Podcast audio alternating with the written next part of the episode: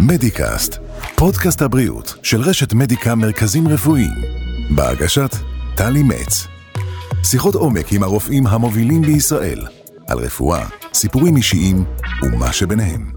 סרטן השד הוא אחד ממחלות הסרטן היותר מדוברות בארץ, אבל גם בעולם. המודעות למחלה אה, בפרט, וגם לבריאות השד בכלל, אפשר לומר, גוברת משנה לשנה, ועדיין חשוב לדעת יותר ממה שאנחנו יודעים עכשיו, לדבר יותר וגם לשאול יותר מהן מחלות ממאירות, מהן מחלות שפירות, אילו טיפולים ניתוחיים עומדים בפני כל אחת, והאם אנחנו בכלל יכולות לשמור על בריאות השד שלנו כדי למנוע ניתוחים.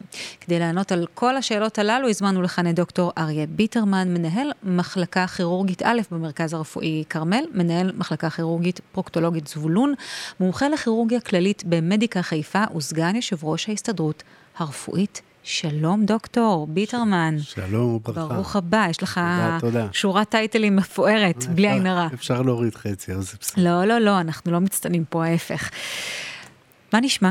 סך הכל טוב. אנחנו אה, נחלוק את זמננו גם בשאלות מקצועיות כדי להבין קצת יותר אה, על, אה, על הנושא שלשמו התכנסנו כאן, אבל גם כדי להכיר אותך כאדם. ברשותך, אם לא אכפת לך, נעשה הצצה קטנה. אז אני רוצה קודם כל שנפתח אה, באמת, אה, כמו שאמרתי אה, בפתיח שלנו, מדובר באמת במחלה מאוד מדוברת. זאת אומרת, המודעות אליה באמת הולכת וגוברת, לדעתי משנה לשנה יש יום מודעות. זאת אומרת, כן מאוד מדובר, יחד עם זאת נראה ש, שזה עדיין לא מספיק. אז זו אחת הסיבות גם שלשמה התכנסנו כאן, ואני רוצה קודם כל אולי שתתחיל בלעשות לנו סדר, מהן מחלות ממאירות בשד, ומהן מחלות שפירות בשד. אני, לפני שאני אתחיל על המחלות הממאירות והשפירות בשד, קודם כל אני חייב להגיד שהשכיחות של סרטן השד אצל נשים היא מאוד גבוהה, אחת לשמונה או שבע נשים וואו. תחלה במחלה. רק לזכור שלפני 10-15 שנה אמרנו אחת לעשר נשים נכון. במחלה. זאת אומרת שהשכיחות הולכת וגוברת בשנים האחרונות. בגלל יותר מודעות ובדיקות, או בגלל שזה פשוט קורה? גם וגם. כנראה גם בגלל יותר מודעות ובדיקות, וגם שזה פשוט קורה. המחלה התחילה להיות שכיחה בשנים האחרונות עד מאוד. אוקיי. Okay. אם אנחנו מדברים על מחלות שפירות ומחלות ממאירות של השד, מחלות שפירות זה מחלות שאין להן פוטנציאל לממאירות, או נדיר שיש להן פוטנציאל לממאירות, בדרך כלל זה קורה אצל נשים צעירות יותר, כמו גידולים שפירים, כמו פיברואדנומות, שזה השכיח ביותר, או ציסטות של השד, שבדרך כלל הטיפול בהם זה טיפול שומרני, או כריתה מקומית של הגידול. Mm-hmm. מחלות ממאירות, אנחנו כבר נכנסים לסרט אחר, שזה כבר דורש הרבה יותר טיפולים, ניתוחים, אה, אה, אונקולוגיה וכל מה שבנושא. כל הדברים הפחות... אה, שאנחנו לא אוהבים. תשמע, יש לנו באמת המון המון שאלות, אבל אני, אני מודאגת מהנתון הזה שהזכרת בתחילת דבריך. מחלה ש, שהשכיחות שלה הולכת וגוברת משנה, אתה יודע מה, לא יודעת אם משנה לשנה זה מדויק, אבל באמת עם השנים. מה אנחנו עושות לא נכון? אני לא יודע מה אנחנו עושים לא נכון, אולי אנחנו עושים דווקא נכון, כי במדינת ישראל הזיהוי, הגילוי של סרטן השד, ברוב המקרים, 80, 75, 80 אחוז מהמקרים, זה בשלב הראשון של המחלה. Mm. אז אני לא חושב שאנחנו עושים משהו לא נכון, אנחנו עושים משהו נכון. במדינת ישראל ה-survival, ההישארות בחיים בסרטן השד, הוא גבוה יותר מהממוצע האירופאי של מדינות ה-OCD. זאת אומרת שגם האבחון וגם הטיפול במדינת ישראל הוא נכון, טוב ויעיל. אגב, הנתונים שהזכרת הם, הם מסונכרנים כלל עולמית, או של נתונים שנכונים רק לישראל? לא, לא, לא. ככה אני, זה בכל העולם? אני מדבר ביחס לכל העולם, mm-hmm. אנחנו טובים. כן, אוקיי. טובים, טובים עד מאוד. טוב, זה... אני, אני, אני אגיד. משהו, אני, אני ביליתי חלק מחיי בארצות הברית בסנטה מוניקה, קליפורניה. Mm-hmm. ישבתי בבית חולים התמחיתי שם בבית חולים שנקרא סן ג'ונס הוספיטל, שהוא על סנטה מוניקה בולווארד, זה בין בברלי הילס לסנטה מוניקה. כמעט ואני, נשמע כיף. נשמע כיף, ואני אומר לך שהנשים בישראל מקבלות טיפול לא פחות טוב מהנשים במקומות האלה, שזה מקום של עשירי עולם. כן. אז, אז אנחנו יכולים להתגאות בטיפול שאנחנו נותנים. תשמע, אמ, מה, מה כרגע, נכון להיום, האופציות, אופציות הטיפול אה, בכל אחד מהמקרים, בכל אה, סוג אה, גידול, והאם זה בהכרח צריך להסתכם בניתוח? ברוב המקרים, אם אנחנו מדברים על גידולים שפיריים, לא בהכרח חייב ניתוח, לפעמים אנחנו, או רוב המקרים, ניתן לעקוב אחרי הממצאים. Mm-hmm. בגידולים הממירים, ברוב המקרים זה כן מסתכם בניתוח, לפעמים, לפעמים הניתוח בהתחלה ואחר כך הטיפולים האונקולוגיים, במקרים שזה בשלבים מתגל, מתקדמים של המחלה, קודם טיפולים אונקולוגיים ואחר כך ניתוח. זה בהכרח חייב להסתכם בכריתה? לא, נהפוך הוא. ברוב המקרים, בגלל שאנחנו בישראל מזהים את המחלה בשלב הראשוני של המחלה, רוב רוב המקרים לא עוברים כריתת שד, אלא כריתה חלקית של השד, מה שנקרא ניתוח משמר שד. שזה, שזה גם, אה, שזו גם התקדמות מאוד משמעותית לעומת מה שהיה לפני כמה שנים. נכון? מאוד מאוד.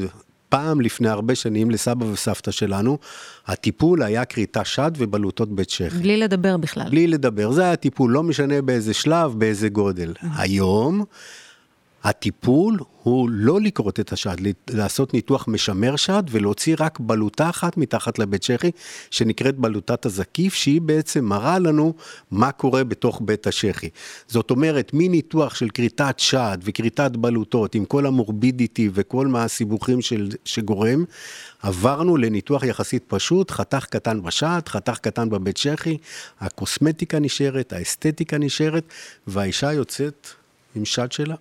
פרט לבדיקות באמת שצריך לבצע, אומרים שזה מגיל 50, לדעתי זה כבר אה, פחת הגיל, ת, נכון? ת, תלוי בסיפור המשפחתי. בסיפור המשפחתי, ברקע. במדינת ישראל ממולץ מגיל 50, מי שיש סיפור משפחתי ענף, mm-hmm. אנחנו ממליצים לפני כן. אז, אז השאלה היא בעצם, האם פרט לבדיקות, לאישה יש עוד משהו שהיא יכולה לעשות כדי לדאוג לבריאות השד שלה?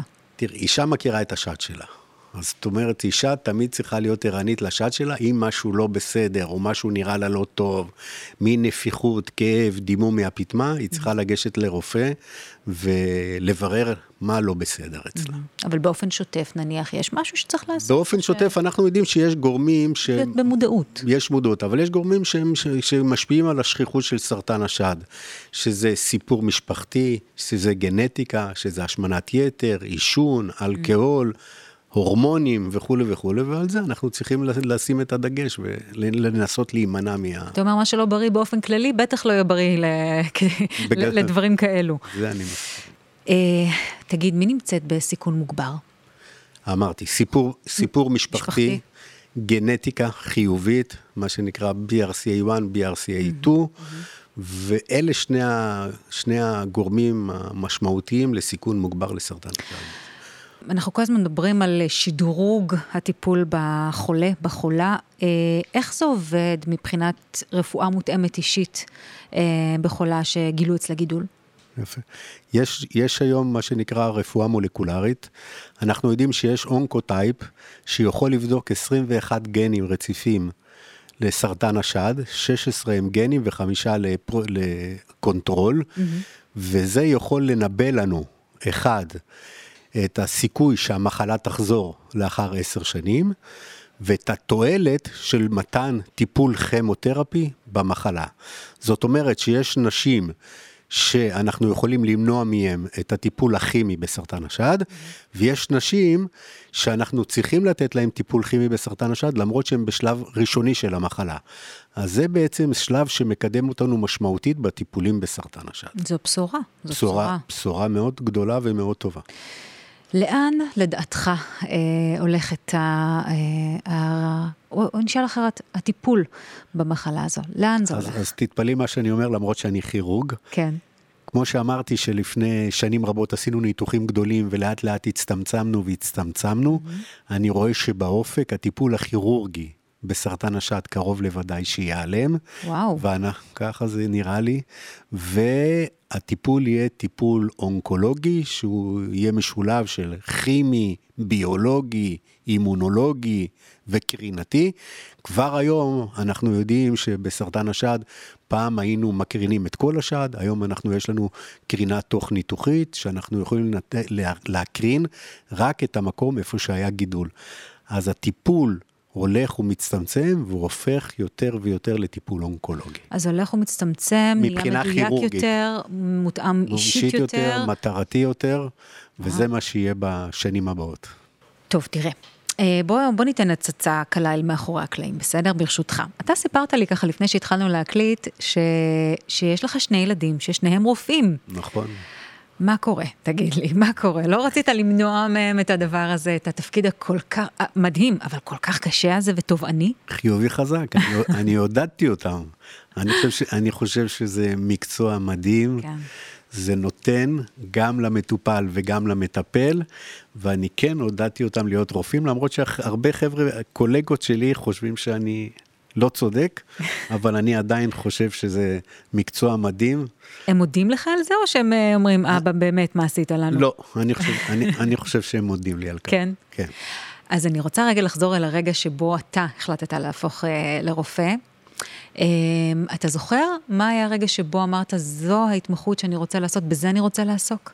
אני לא זוכר במדויק, אבל אני, אני כשהייתי צעיר בתיכון למדתי אלקטרוניקה, ואמרתי שאם Mm. אני יודע לתקן אה, אה, מכשירים אלקטרוניים, אני אדע גם לתקן אנשים. אה, וואו, איזה מרחק בין מכשירים? אלקטרוניים. ואז אמרתי, טוב, אז זה הייעוד ועל זה אני הולך. וואו. ובגלל זה גם רציתי כירורגיה ולא מקצוע אחר. ודווקא זה, ההתמחות בכירורגיית שד, זה משהו שעניין אותך, שמשך אותך באופן עקרוני, או... אה, זה, אני, מתמחה בכירורגיית שד, אבל אני, בגלל שאני מנהל המחלקה הכירורגית, אז אני נחשף להרבה כן. הרבה תתי מקצועות בכירורגיה, וכן, זה חשף אותי, אני אוהב את המקצוע. הזה. מה החלק בעבודה שלך שאתה הכי הכי נהנה ממנו? תראי, יש הרבה חלקים, מהפגישה הראשונה עם המטופל, הניתוח, ואחרי זה לבשר שהכל יצא בשלום, יש גם הרבה דברים מאכזבים. כמו? נגיד רגע, צריך- רגע שאתה ממש זוכר. שאני צריך, שאני צריך לצאת למטופל או למשפחה של המטופל ולהגיד, נכשלנו. זה קצת Mm. אי אפשר צובט להתרגל בלב. לזה, אה? קשה להתרגל לזה, כן. קשה, זה צובט. אמ, ספר לנו ככה, אנחנו רוצים להכיר גם את האדם שמאחורי הרופא וה... את את מביכה אותי. אני רוצה להביך אותך, זאת המטרה. אם הייתי יודע, לא הייתי בא. יש לי תחושה שלא. אמ, ספר לנו, אם לא היית רופא, במה היית עוסק, למשל? קרוב לוודאי שהייתי אלקטרון. אלקטרון, כן? באמת? כנראה. עוד אז, לא לא עזב אותך, אתה עדיין נהנה מזה? נהנה, כן. מתקן מנורות בבית? מתקן, מפרק, הכל. היום הטכנולוגיה השתנתה ואני כבר לא שולט, אבל פעם שלטתי. אוי, כן, טוב. אה, אה, גם רפואה, האמת, זה בהתאמה, זה הולך ביחד. מה מה הדבר שנגיד אף אחד לא יודע עליך? מה להגיד? עכשיו הבכתי אותך באמת, נכון? אני חושב שיודעים עליי כמעט הכל. אבל אם אני מנסה לחשוב בתקופה של עכשיו, זה כן. שאני מפחד מנחשים. באמת? וואלה. עכשיו, אתמול שמענו בחדשות נכון, ששניים שלושה מתעורר. נעקצו, נתעורר. ועוד- אתה נזהר וכאלה? אני לא יודע מה אני נזהר, אני לא הולך לי אדם, אבל אני אני רואה נחש, אני עושה במכנסיים. לא, לא נמצא אותך הולך יחף בשדה נניח לא, לא, בקיץ. לא, לא אתה אומר. תגיד, כשאתה הולך לישון בלילה, נכנס למיטה, מתרווח, אתה מריץ את היום שהיה לך, את הניתוחים תמיד. שעשית? תמיד, כן? תמיד. אי אפשר להשתחרר לש- מזה. לא, אי אפשר. אני תמיד חוזר לראות איפה טעיתי, מה שגיתי ומה לא עשיתי טוב. אז אין באמת, אין, אין רגע דל למנתח. אין רגע, אני לא יודע אם להגיד אין רגע דל, אתה נכנס לאווירה הזאת ואתה חי איתה, זה כמו כל מקצוע אחר שחושבים עליו לפני שהולכים לישון, גם, אני מאמין, גם במשפטים ואפילו בכדורגל, זה, זה החיים שלנו. דוקטור. אריה ביטרמן, היה כיף איתך, תודה רבה. תודה, תודה. תודה.